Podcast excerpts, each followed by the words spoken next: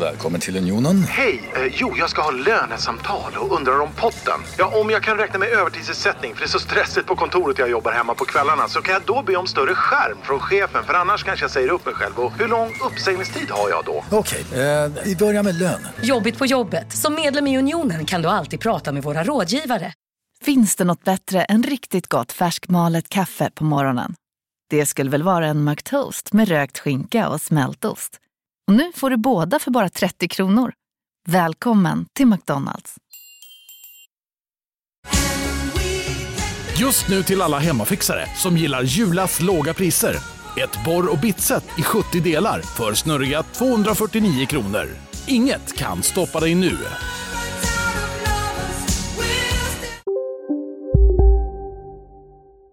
Hej och välkomna till veckans avsnitt av Kulturbarnen. Wow! Välkomna! Med mig Ida Tirén. Och mig Pontus de Wolf. Yes. Yes! Hur är läget? Det är toppen. Nu är det ombytta roller. Nu är jag i Värnamo och du är i Stockholm. Ja, det hade du inte trott. Det kunde svänga så fort. Men jag har ju varit i Stockholm för bara, jag kom tillbaka hit igår. Jag var på Mm. vernissage i fredags i Stockholm till exempel. Du, du flexade kulturmusklerna innan du Alltså, drog ner. vad är väl mer kulturmänniska i storstan än att gå på vernissage? Verkligen, verkligen. Ja, men det känns ju fräscht. Vad var det för någonting? En förfinad fylla. Nej, ehm, eh, jag dricker bara ett glas vin vill jag tillägga. Nej, Ja. det var David, von, David von Bar på Galleri Steinsleiner Berliner på Bondegatan på Södermalm i Stockholm. Mhm. Och jag har följt det här galleriet i över tio år. Jag köpte faktiskt en tavla där för tio år sedan av Ragnar Persson, konstnär. Mm. Jag, och jag brukade ju ha en blogg på sajten Rodeo som eh, handlade om konst. Så då brukade jag gå på deras utställningar också. Ja, jag har hängt med dem länge helt enkelt. Och de har lite fokus på sådär streetkonst. Kommer de väl ifrån någon slags sån här, alltså den bakgrunden graffiti, konst, Mm. alltså den lite världen kommer de lite grann ifrån och har fokus på så här unga, intressanta artister, konstnärer. Vissa av dem är inte så unga längre, men Mm. de har liksom lite så här, det här unga anslaget, man ska säga. Det drivs av två stycken, Jeanette Steinsland och Jakob Kamperliner. Så då har de drivit ihop sedan 2008. Mm. Så det var en kul utställning och kul att träffa lite folk. Alltså bara det här känslan av mingel och att folk folk bara dyker upp. Det där är ju, Ah. åh vad man har saknat det alltså. Bland annat sprang jag på Ester Eriksson, serietecknare och konstnär, som är känd under Esters rester på Instagram bland annat. Just Och hon, ja, och hon berättade att hon lyssnar på podden, så jag blev jätteglad. Wow, vad glad. Ah, så det är så kul nu när man börjar träffa på folk som lyssnar på podden. Det känns väldigt mycket mer levande och på riktigt än innan. Jag vet, men det känns som att folk är tillbaka från semestern och börjar, börjar ha mer behov av poddar när de reser och går till jobbet och sånt där. Det är jättekul. Det går jättebra för vår podd till exempel. Om man ska... Ja, du sa att du har märkt skillnader till fler som lyssnar och sådär.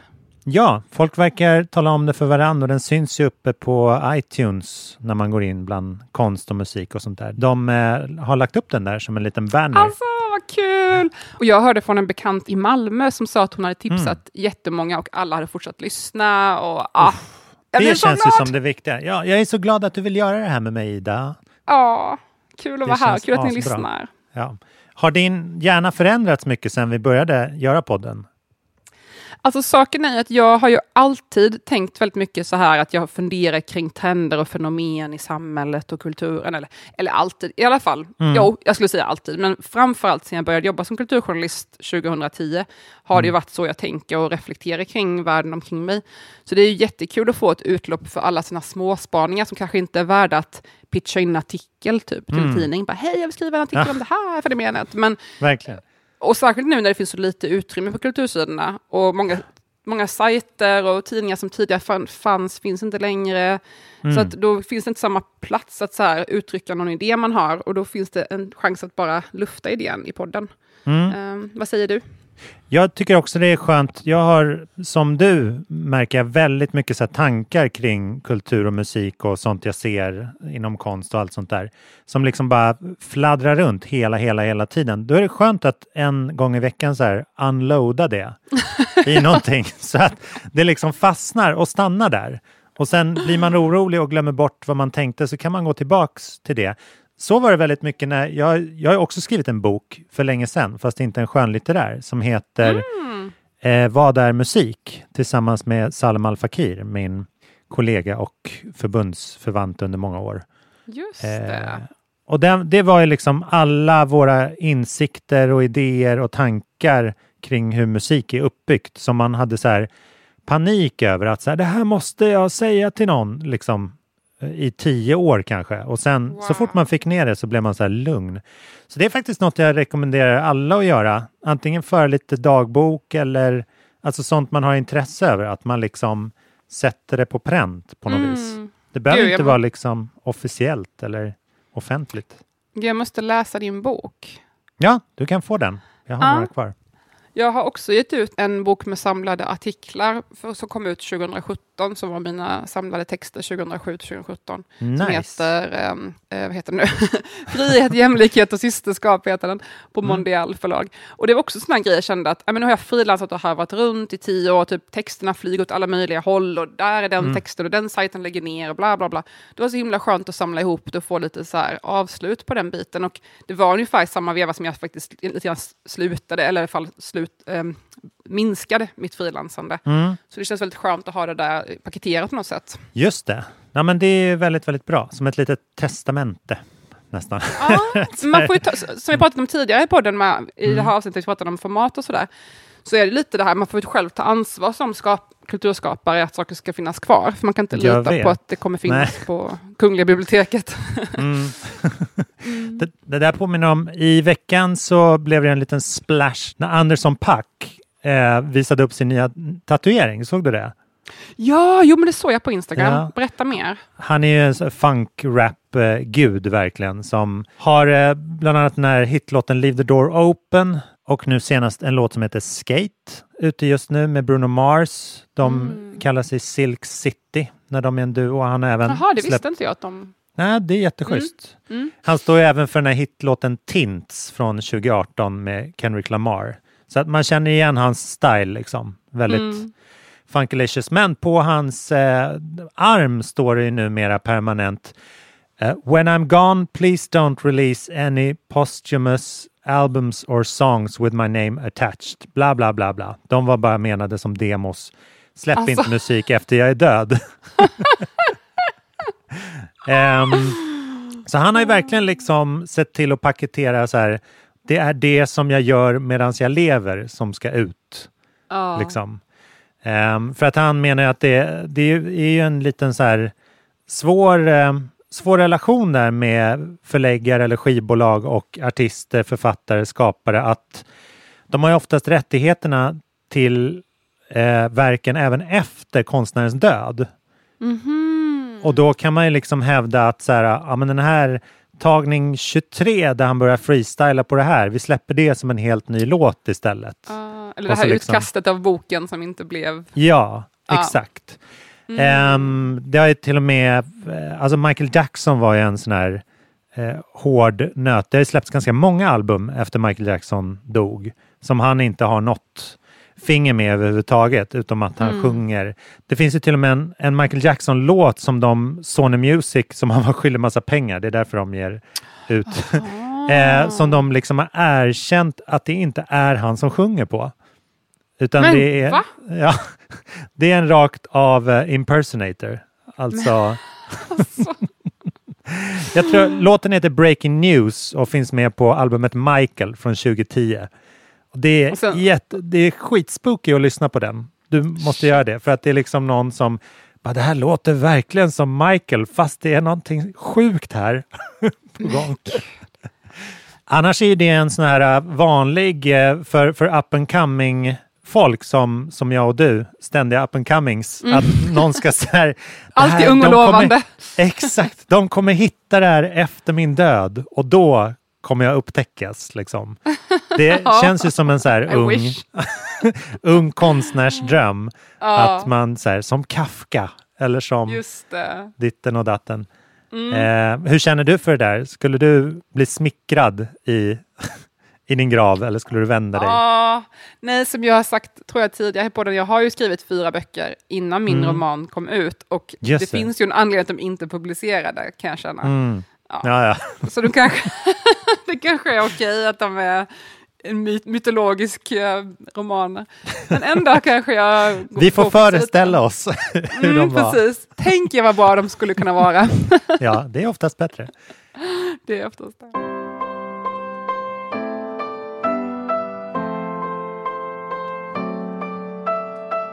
Nej, men det här får mig lite att tänka på två filmer jag har sett de senaste månaderna på bio.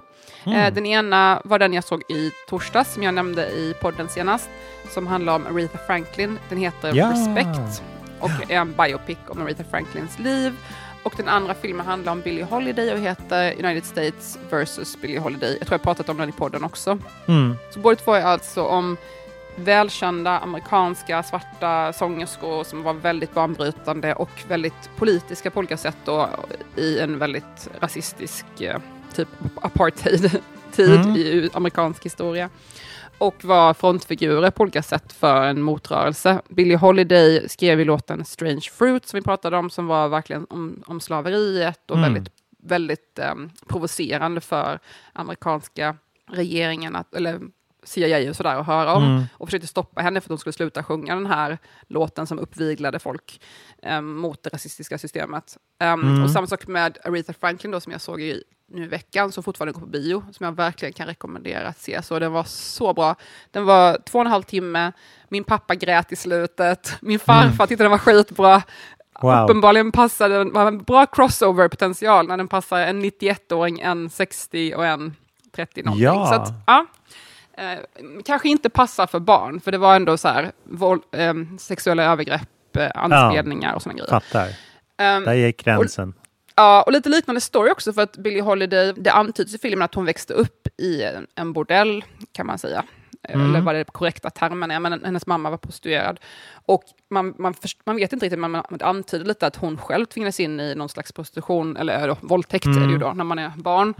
Ehm, det är inte helt uttalat, men det antyds. Och hon är väldigt traumatiserad och blir ju knarkare, mycket för att dämpa sina demoner då. Ja. Billie Holiday. Och lite samma sak ser vi i Aretha Franklin-filmen. Hon blir gravid när hon är 12, tror jag det är, med sitt första barn och sen får hon ett till barn när hon är typ 14-15. Och vi ser i filmen också en antydan om att det är en kompis till pappan som kommer in och ehm, lite så här ger sig på henne. Fast man får såklart inte se självaste övergreppet, tack och lov. Mm. Eh, också för skådespelarens, barnskådespelarens eh, skull så är det ju verkligen inte okej. Men jag tycker det var bra hanterat ändå, att det var liksom en antydan, det räcker för att man behöver Mm. inte exploatera det här för mycket. Och jag, kanske, jag vill bara passa på att nämna det, jag tycker också att jag tycker det är intressant, ehm, jag tror jag kanske nämnde tidigare i podden, men författaren Roxane Gay, som också är så svart eh, aktivistisk eh, författare i USA, hon har skrivit mycket om just det här att ofta så vill man exploatera se, eh, sexuella övergrepp eller Mm. våld mot kvinnor i film, för det är lite så här juicy och lite, nästan lite sexigt för vissa tittare då att se kvinnor som utnyttjas. Ja, men man vill inte riktigt hantera vad som hände efteråt. nej, nej, nej. att man säger bara, aha, nu blev hon våldtagen. Ah, ja, det var ju hemskt. Nu ska vi lösa fallet. Eh, Mm. Inte så här, aha, hur påverkas hennes liv resten av livet av det här övergreppet? Eh, Mm. och jag tycker det är väldigt fint skildrat, både i Billie Holiday-filmen och i Aretha Franklin. Man får verkligen se hur det här traumat lever vidare och fortsätter att hanta dem. Och Aretha Franklin eh, drabbas då av alkoholism och får deala med det och sådär. Och håller på Mm. att tappa hela sin karriär på grund av det här. Ehm, så att man får verkligen se eftermälet också av övergreppet. Det är inte bara så här, hoppsan, en grej hände en gång, utan ja, det här påverkar Mm. resten av ens liv.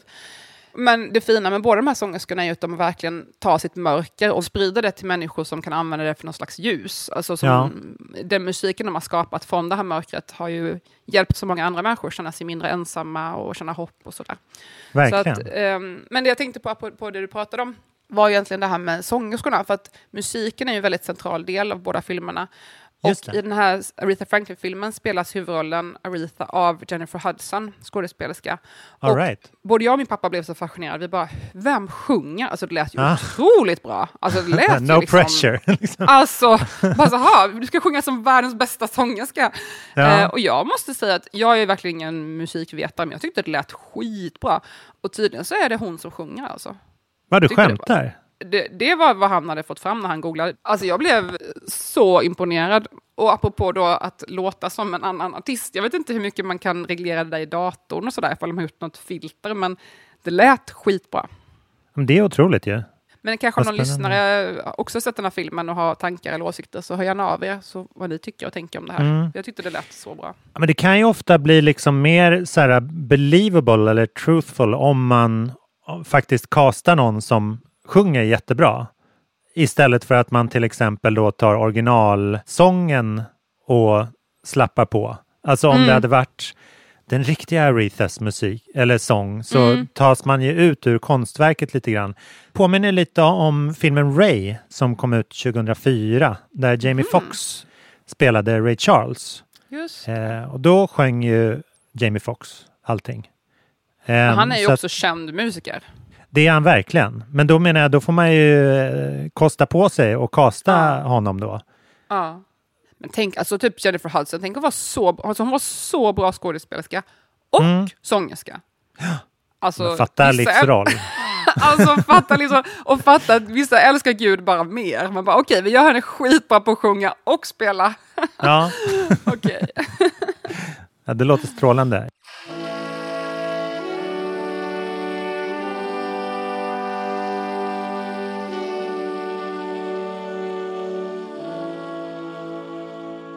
Jag längtar så tillbaka till bio också. Ehm, Men jag har faktiskt gjort det näst bästa. Som jag sa sist så har jag hyrt film. Mm. Jag lyssnade ju på den här boken om noise förra veckan, tror jag att du minns. Ehm, och blev, blev sugen på mer destruktivitet bland tonåringar och sådär. Så att jag hyrde den första delen av, eh, de kallar oss Mods-trilogin som den brukar Mm. kallas. Eller Mods-trilogin. Första delen heter De kallar oss Mods.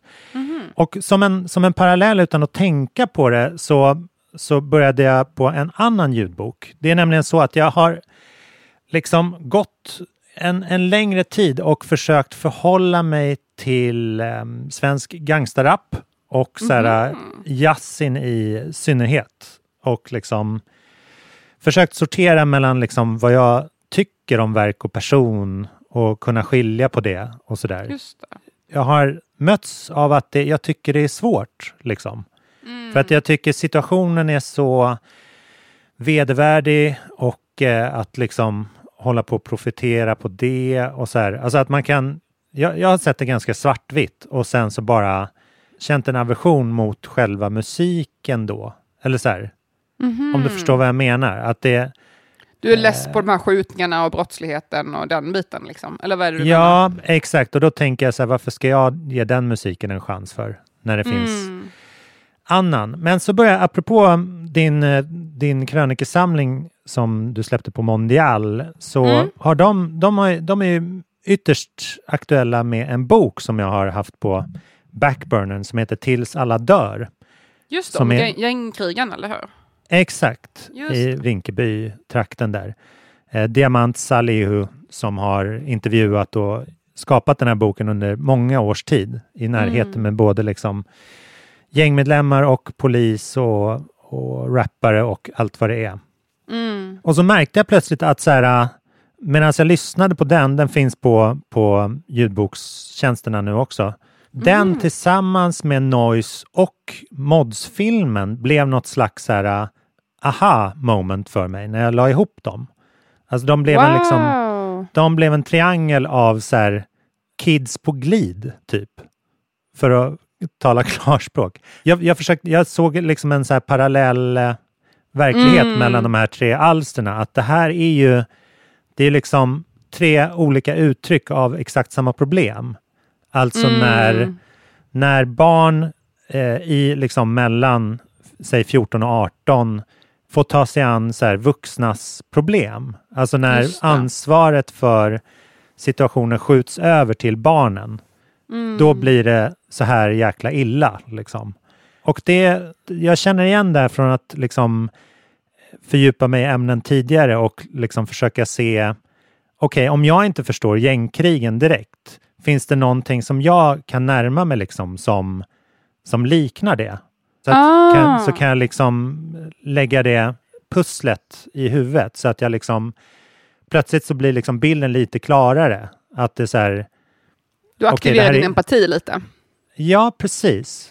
Och att det är så här, okej, det här är helt vanliga barn. Det jag tänker som så vanliga barn i mitt huvud, det är det här också. Och sen så har det liksom, de har hamnat där det finns riktiga skjutvapen. Och så här, äh, i den liksom situationen som förorten befinner sig i med integrationsproblem och eh, föräldrar som bär på trauman och sånt där. Det var så Mm. det är en stark grej som jag tycker man borde kika på.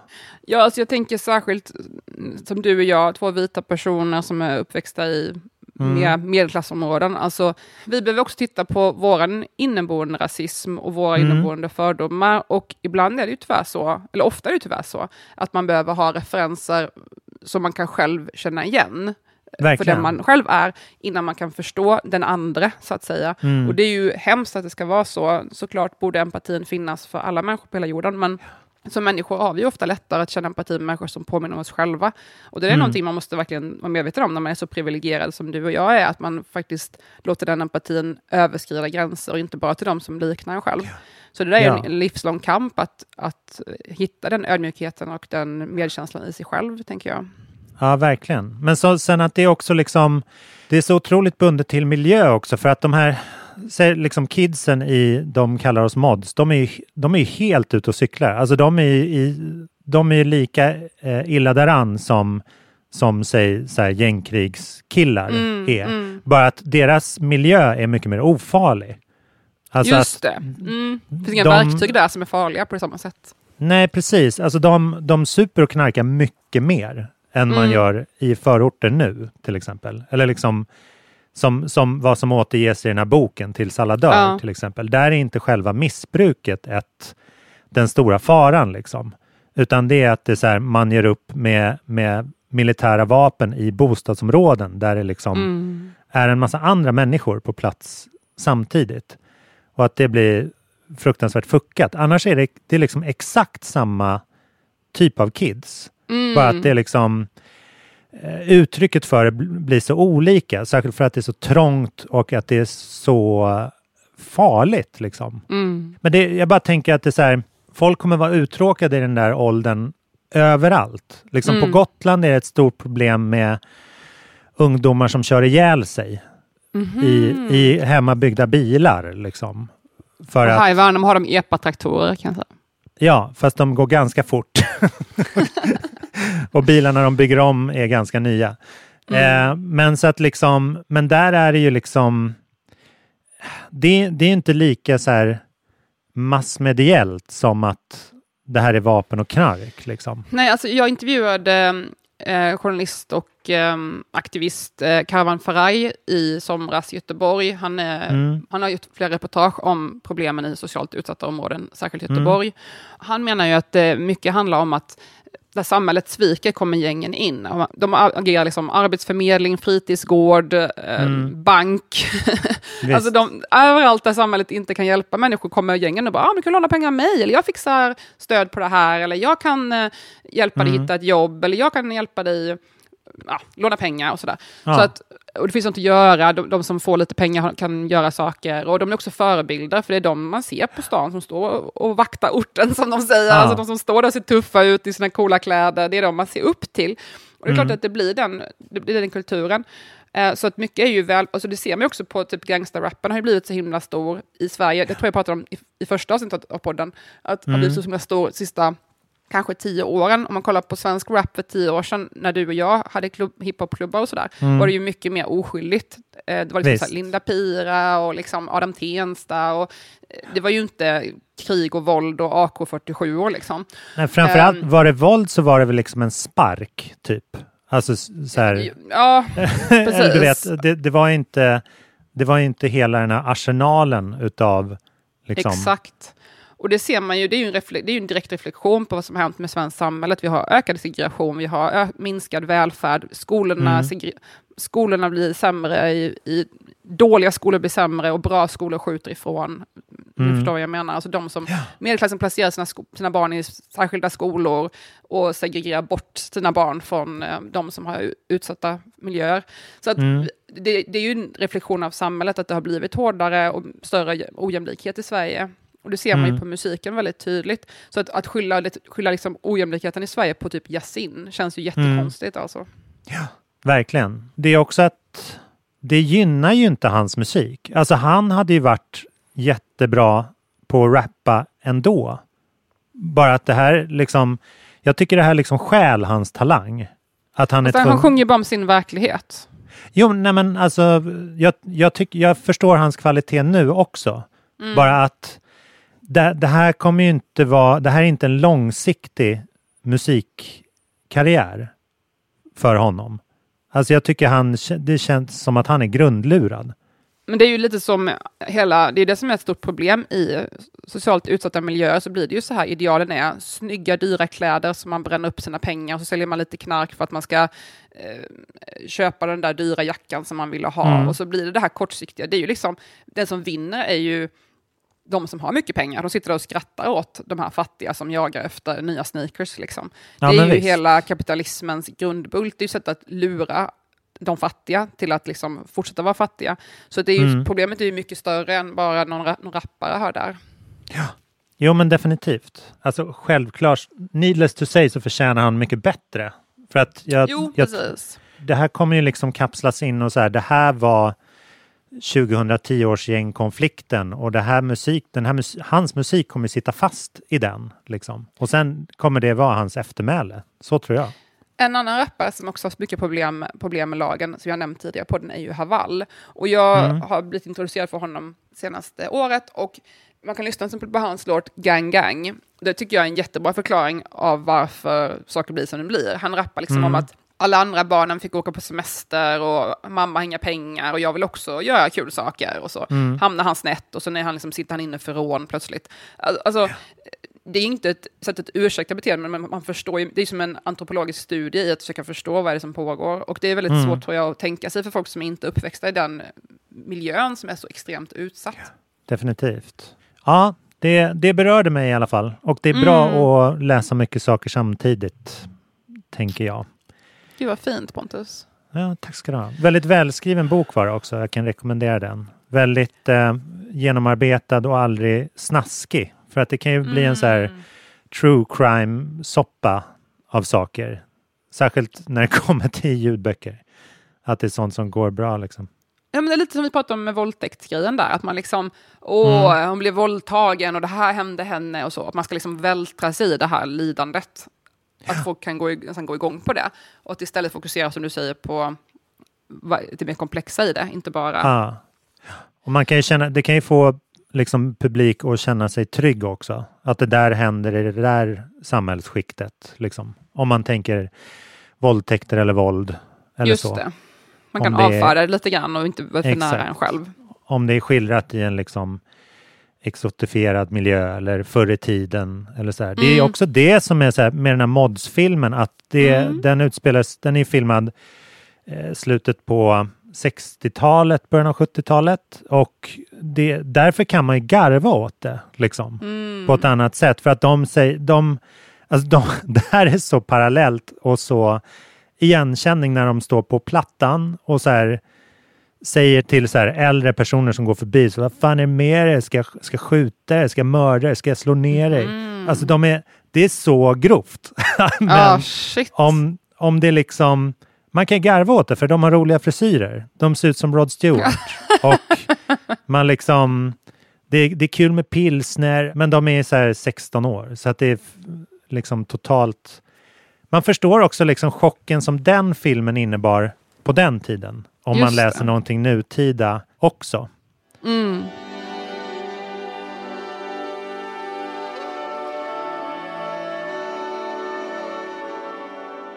Ja, men det här får mig att tänka lite grann på en film som jag kollade på, eller snarare såg om häromdagen, nämligen The Big Lebowski.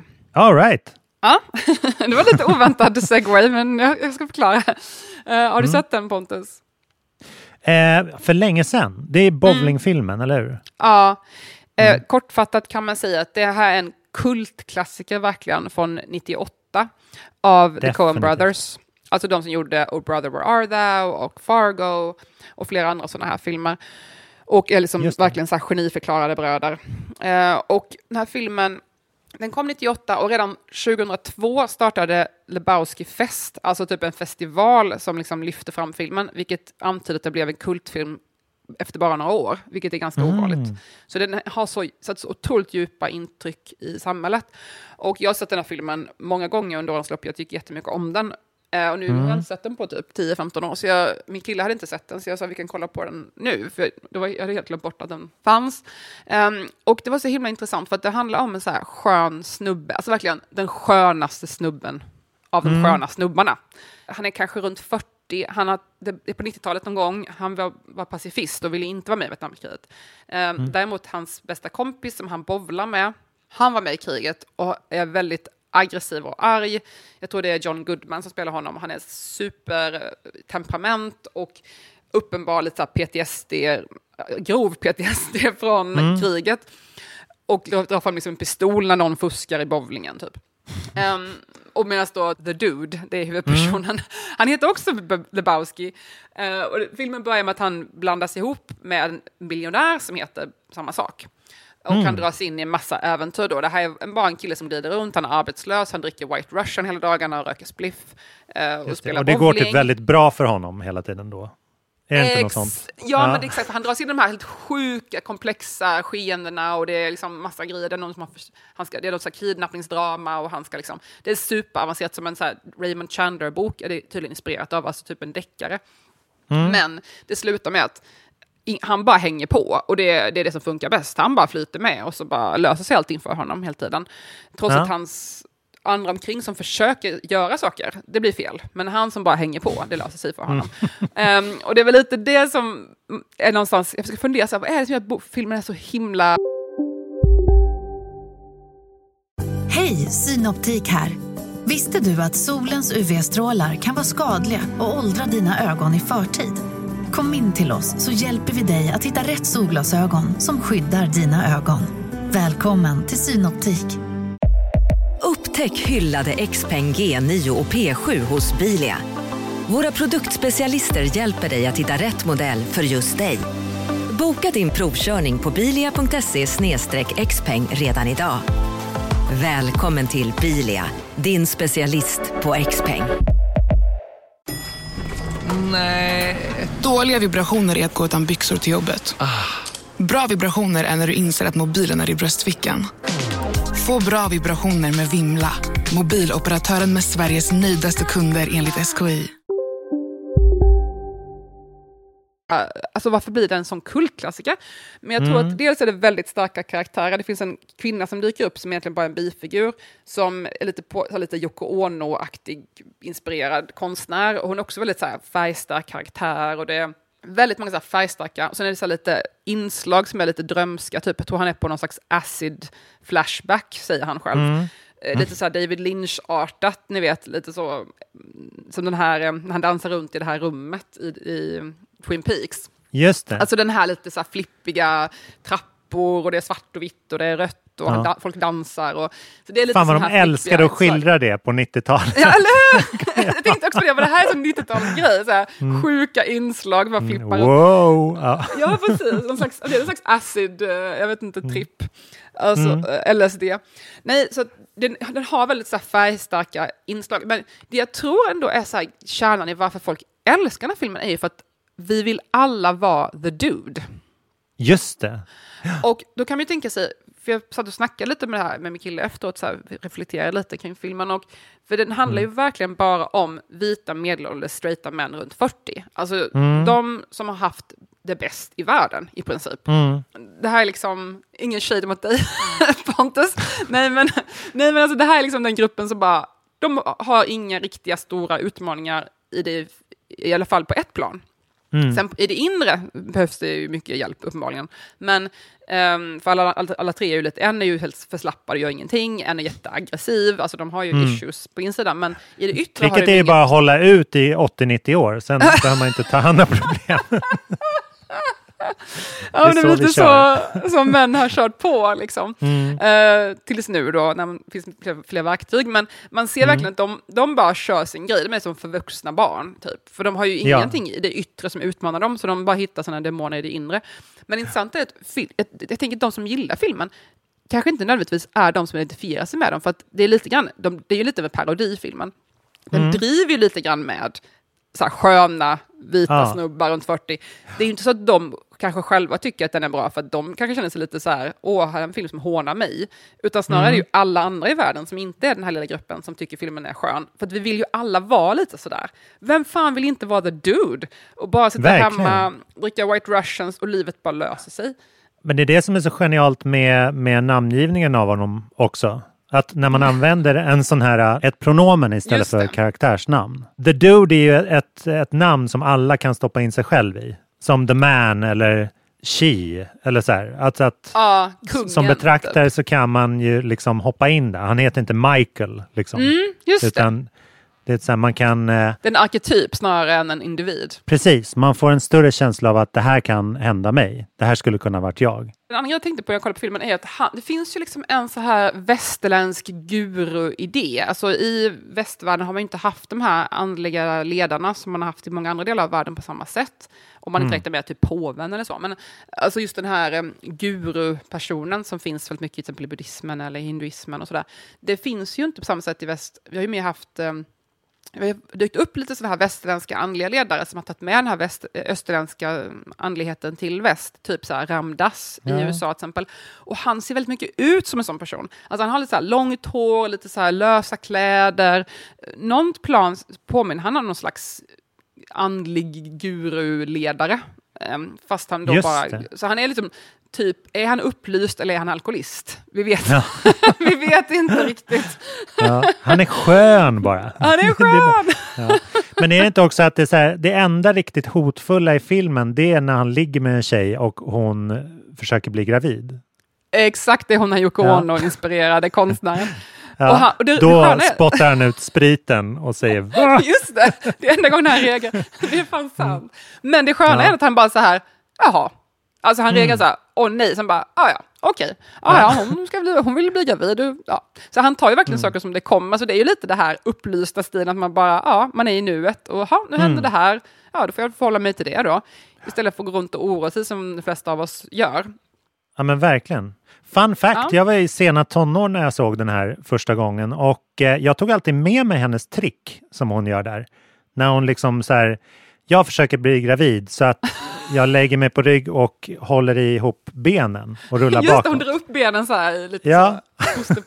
Ja. Det känns som att så här, det borde man eh, lära ut på mödravårdscentralerna. Lite mer, eller? det är ett konkret tips faktiskt. En- Och fyra år senare har du en son. Ja. Good stuff. Ja, shit.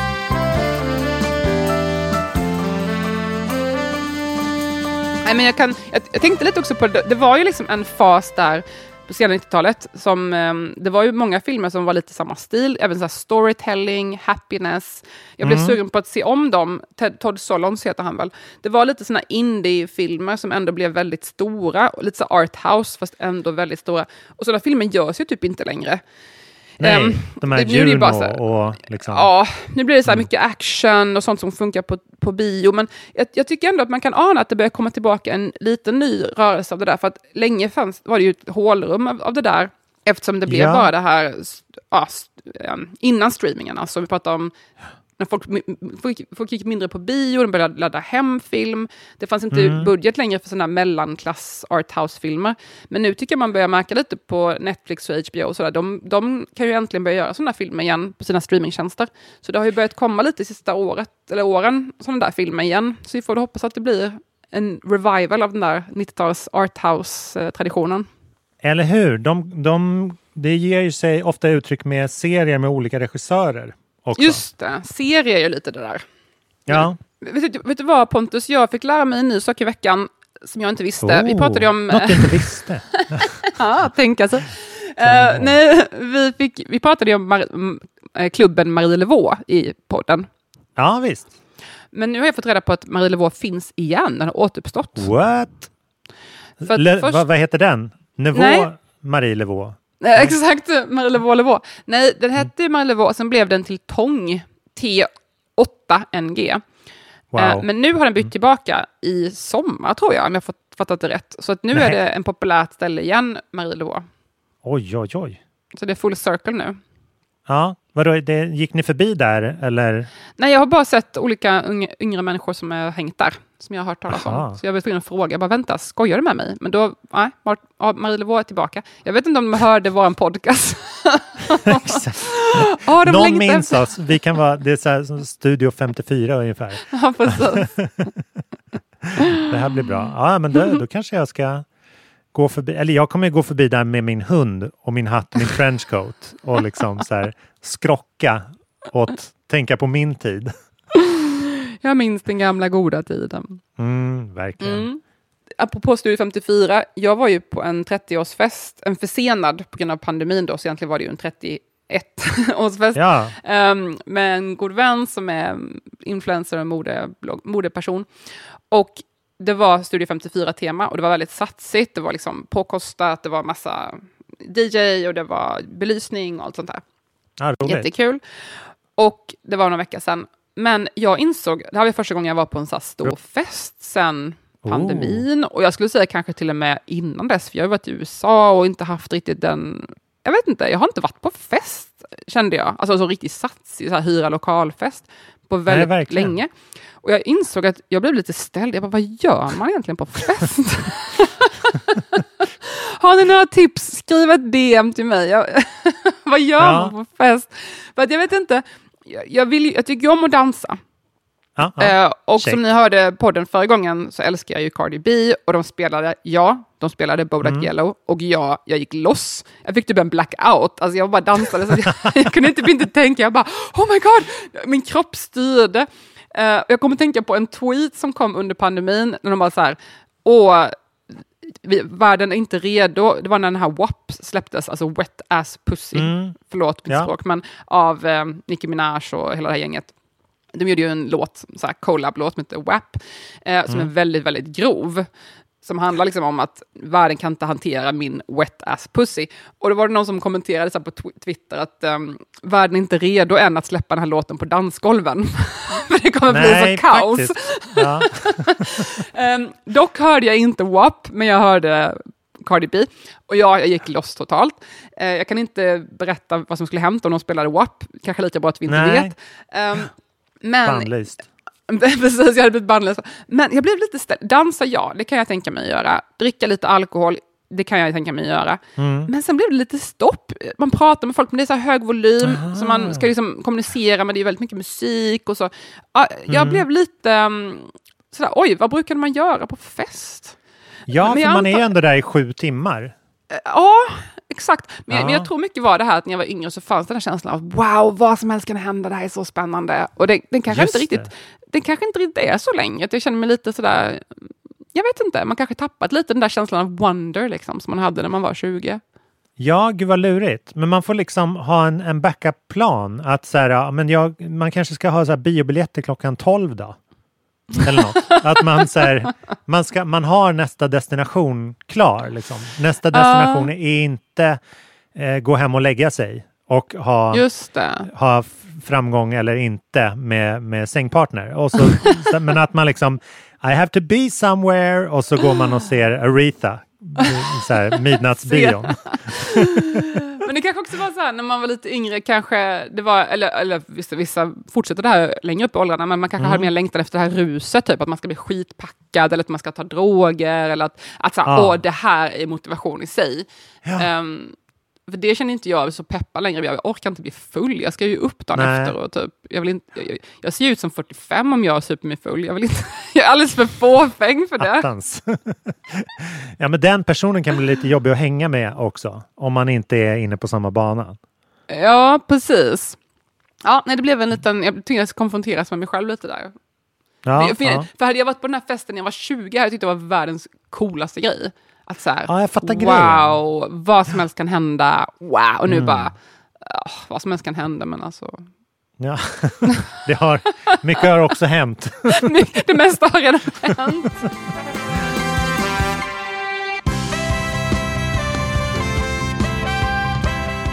Men någonting att bli peppig över det är veckans musikgäst. Ja, vem är Eh, det? Jo, det är ett band eh, från norr som heter Bear Garden. Mhm. Ehm, det är ett, eh, ett instrumentalband som leds av en saxofonist som heter, Mart- som heter Martin Virén. Mhm. Ehm, och det är en slags, eh, musiken är liksom instrumental blåsorkestermusik som ligger någonstans mellan så jazz och indiepop, tycker jag mig Mhm. höra. Mm. Det, det är verkligen så här fullt ställ musik, inte sitta still. Och det är kanske svårt att, att kommunicera det på skiva, men de, eh, det släpps faktiskt imorgon eh, en livekonsert med dem som de spelade på Södra Teatern på ett event som jag höll där i våras. Ehm, jag och mitt jazzbolag hade eh, ett event som heter Jazzagenturen and Friends. Eh, med fyra stora akter och band som, eh, och publik och streaming. Och, och så bandade vi alltihopa. Så att det, de släpper det som konsertfilm imorgon på sin eh, Youtube och Facebook helt enkelt. Kul! Ehm, och det var ett sånt där f- performance som liksom verkligen är smack in the face när man ser det. Och det var väldigt skönt för det liksom, man behövde inte ord riktigt. Och man behövde inte det är väldigt inbjudande och liksom bara explosivt. Det är lite som en så här snällare version av kriget. Om du känner, känner, känner du till Ah, just kriget? det. Jag minns det vagt från förr. Ja, man kan inte ha en cool musikpodcast om man inte refererar till kriget. Varannan vart tredje eh, avsnitt. Så här. Men där heter, det är en saxofonist som heter Gustav Bent, så de kör en väldigt så här distad och hård, liksom hardcore, nästan så här kängpunkig eh, stil med, med distad saxofon helt enkelt. Jag försöker tänka, när jag har, har de spelat? För jag vet att de... De, de, spelat de, var, de spelade väldigt mycket på butiksöppningar inom mode för tio år Ah, sedan okej, när, okej. Ja, när Bonn var var. Sveriges största tidning. Just. Ehm, så det var väldigt hippt, hippt att boka dem då. Är de aktiva nu längre? Ehm, ja, de släppte något för något år sedan, men jag skulle säga att deras liksom buckla har gått vidare till Viagra Boys nu. Mhm, För att vara det är det. Det, stil, det är det liksom nya heta fashion punk. När punk möter fashion i någon slags Stockholm har inte så stor budget men vill ändå vara heta symbios. Mhm. Men det är ett fantastiskt band så det är inget som jag vill ta från dem. Kul! Låt oss lyssna mer.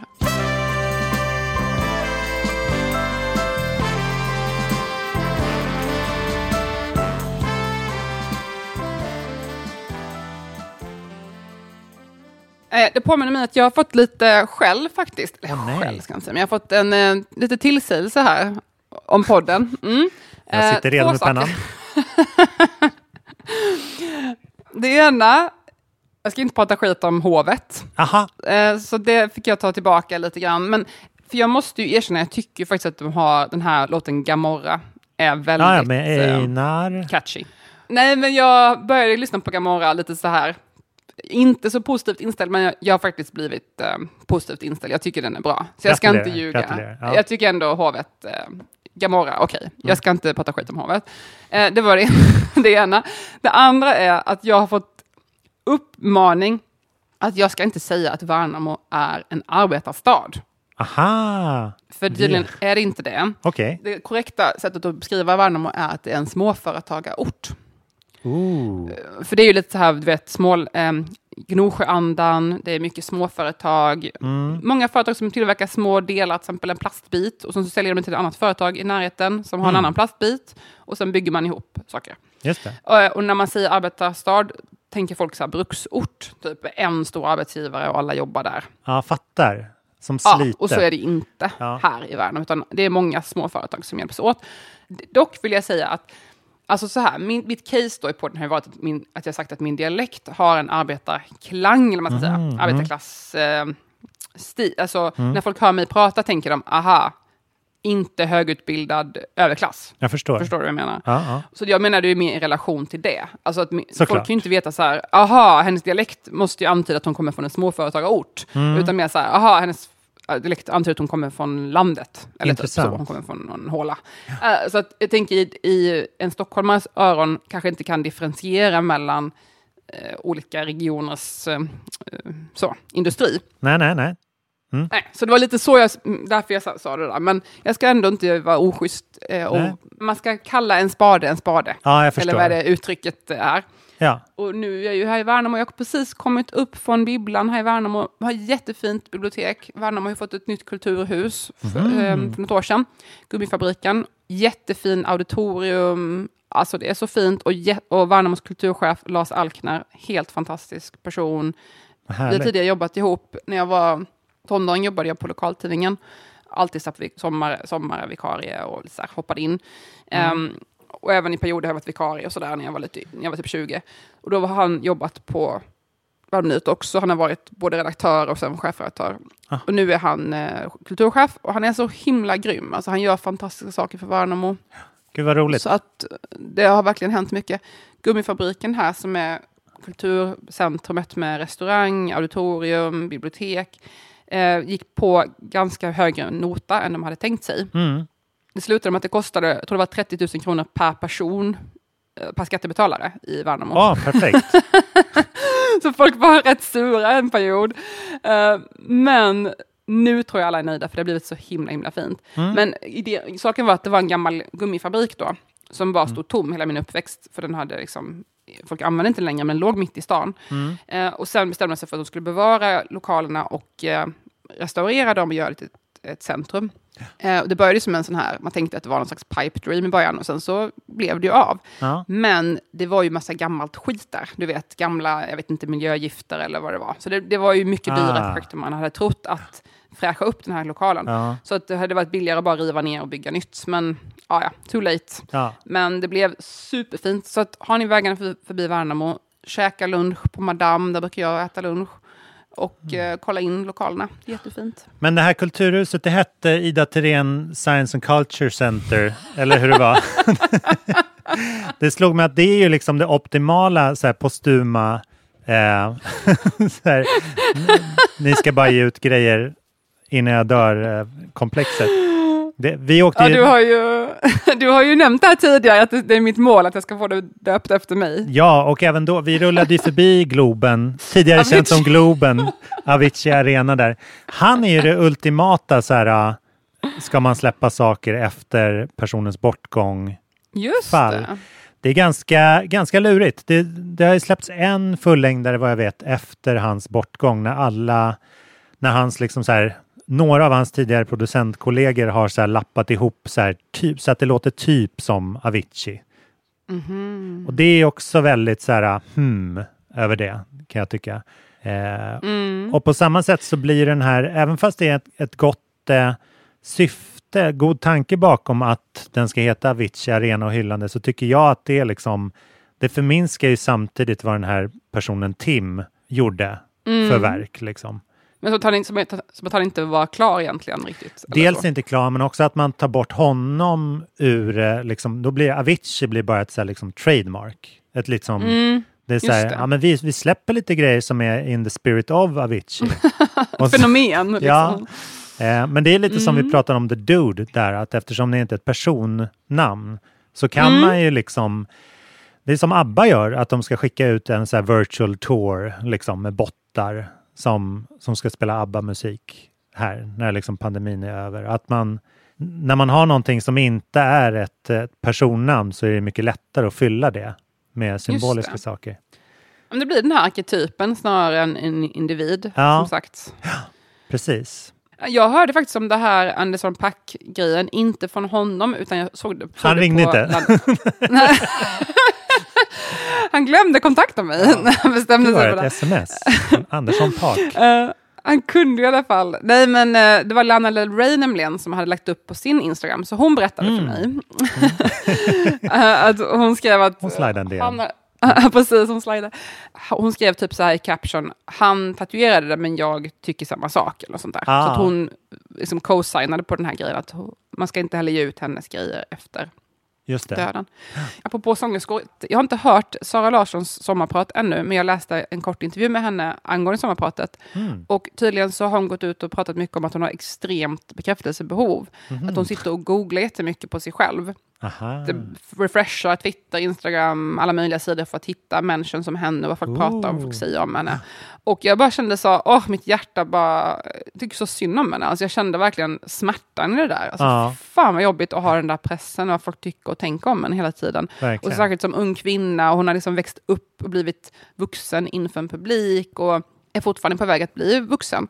Att Mm. göra det inför en så stor publik och folk tycker och tänker om henne. Och, man tar, alla tar vi beslut som inte... Alltså, Ja. Skulle någon döma mig för vad jag gjorde när jag var 18, alltså jag hade skämts ihjäl. Mm.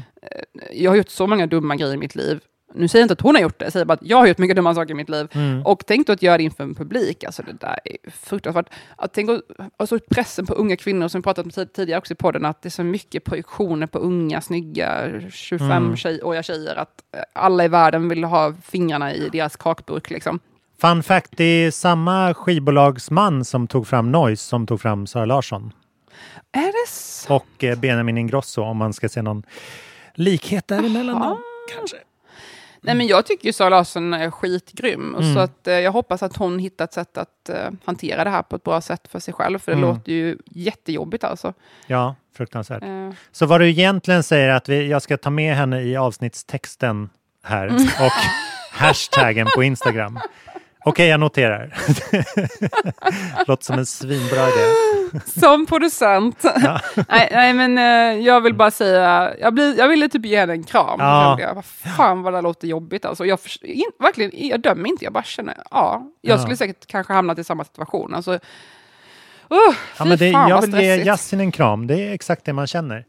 Att man, det, är, det är fan vad de här... Det, det är väldigt många unga, unga personer som får vara så här, vad heter nickedockor typ.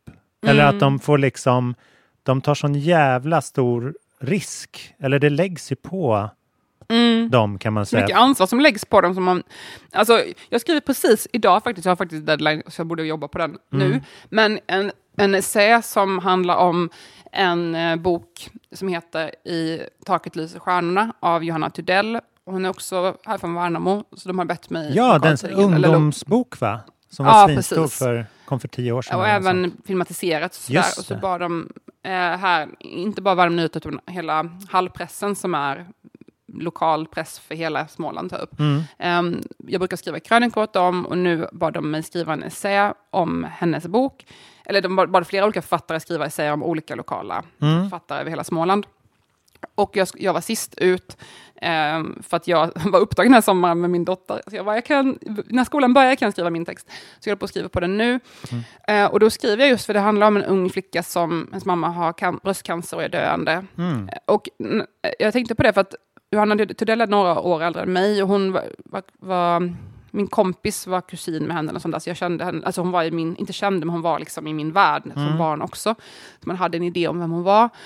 Ehm, och då när boken kom ut, då hade jag precis fyllt 18, så jag var lite för gammal för att läsa den, för det handlar ju om mer yngre tonåren. Gud ja. Eh, Så jag har inte läst den förrän nu då i sommar. Men det är intressant för att när jag läser den så relaterar jag ju både till den här unga flickan då som går igenom puberteten och tonåren samtidigt som hennes mamma är döende. Mm. Och relaterar också till mamman som är kanske i min ålder, Ja. eller lite äldre. Ja. Och vad hon går igenom och tänker mig själv så här, oj shit, tänk så hade jag varit så sjuk nu och hur skulle hantera min dotter och sådär. Min dotter är åtta. Ja. Ehm, och det, det var lite samma, i texten skriver jag lite att det påminner lite grann om när jag kollar på Gilmore Girls, för jag älskar Mm. Gilmore Girls. Jag är Gilmore Girls head, eller vad man säger. Alltså den amerikanska tv-serien. Eh, och den kom ut, när den kom ut, då var jag ungefär samma ålder som dottern i serien. Det handlar om en ensamstående ung mamma, Lorelai Gilmore, och hennes dotter Rory Gilmore, som är tonåring och right. väldigt intelligent och vill bli journalist. Och, ja, hon är ganska lik, har lik vissa delar av mig, m- ehm, dottern. Men mamman är också lik vissa delar av mig. Eh, mamman är mycket mer en fuck-up. Och jag har liksom båda sidorna i mig. Jag har både fuck-upen och den här ti- tid, tidigt eh, duktiga och smarta tjejen. Ah. Liksom. Briljant. Så att när, jag, när den kom så relaterade jag jättemycket till Rory Gilmore, alltså som var 14-15 år. Mm.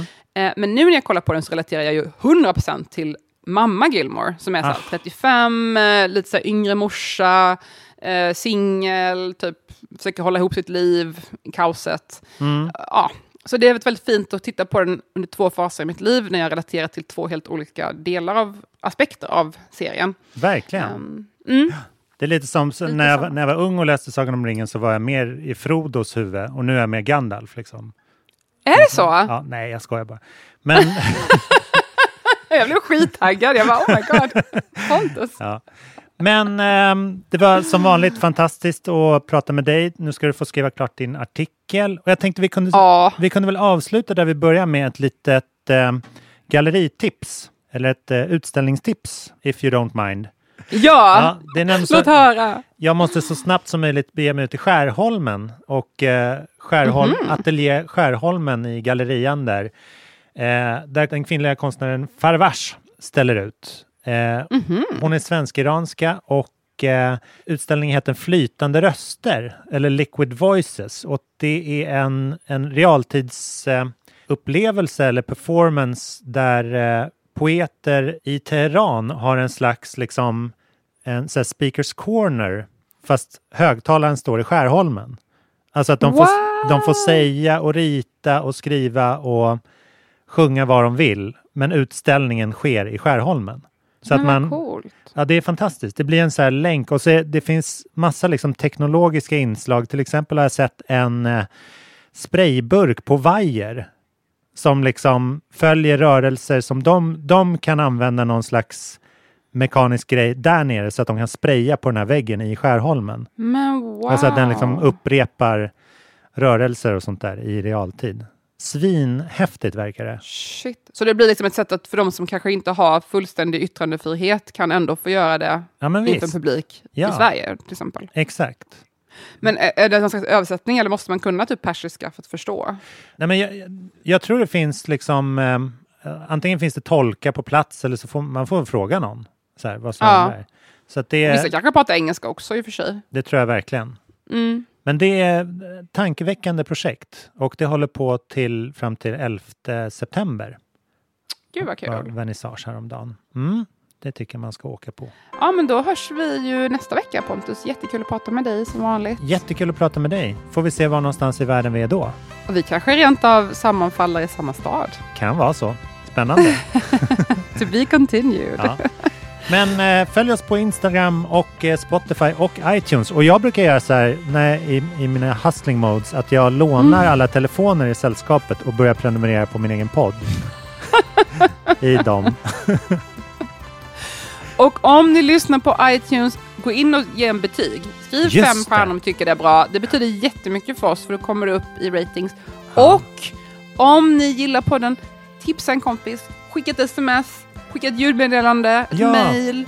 Sara Larsson, Brev, om post. du lyssnar på det här, jag älskar dig och dina låtar. Du är toppen. Alla tycker det.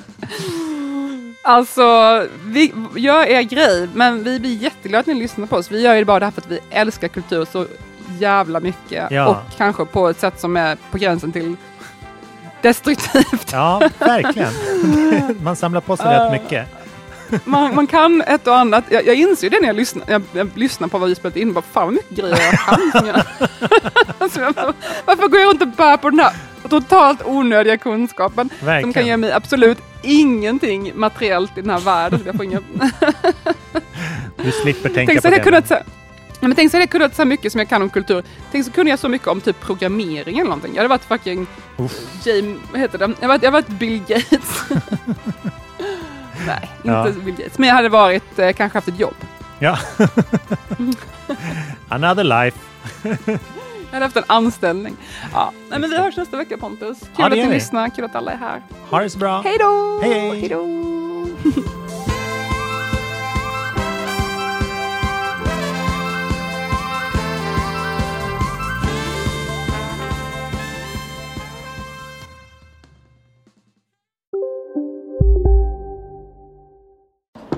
Kolla menyn. Vadå? Kan det stämma? 12 köttbullar med mos för 32 spänn. Otroligt! Då får det bli efterrätt också. Lätt!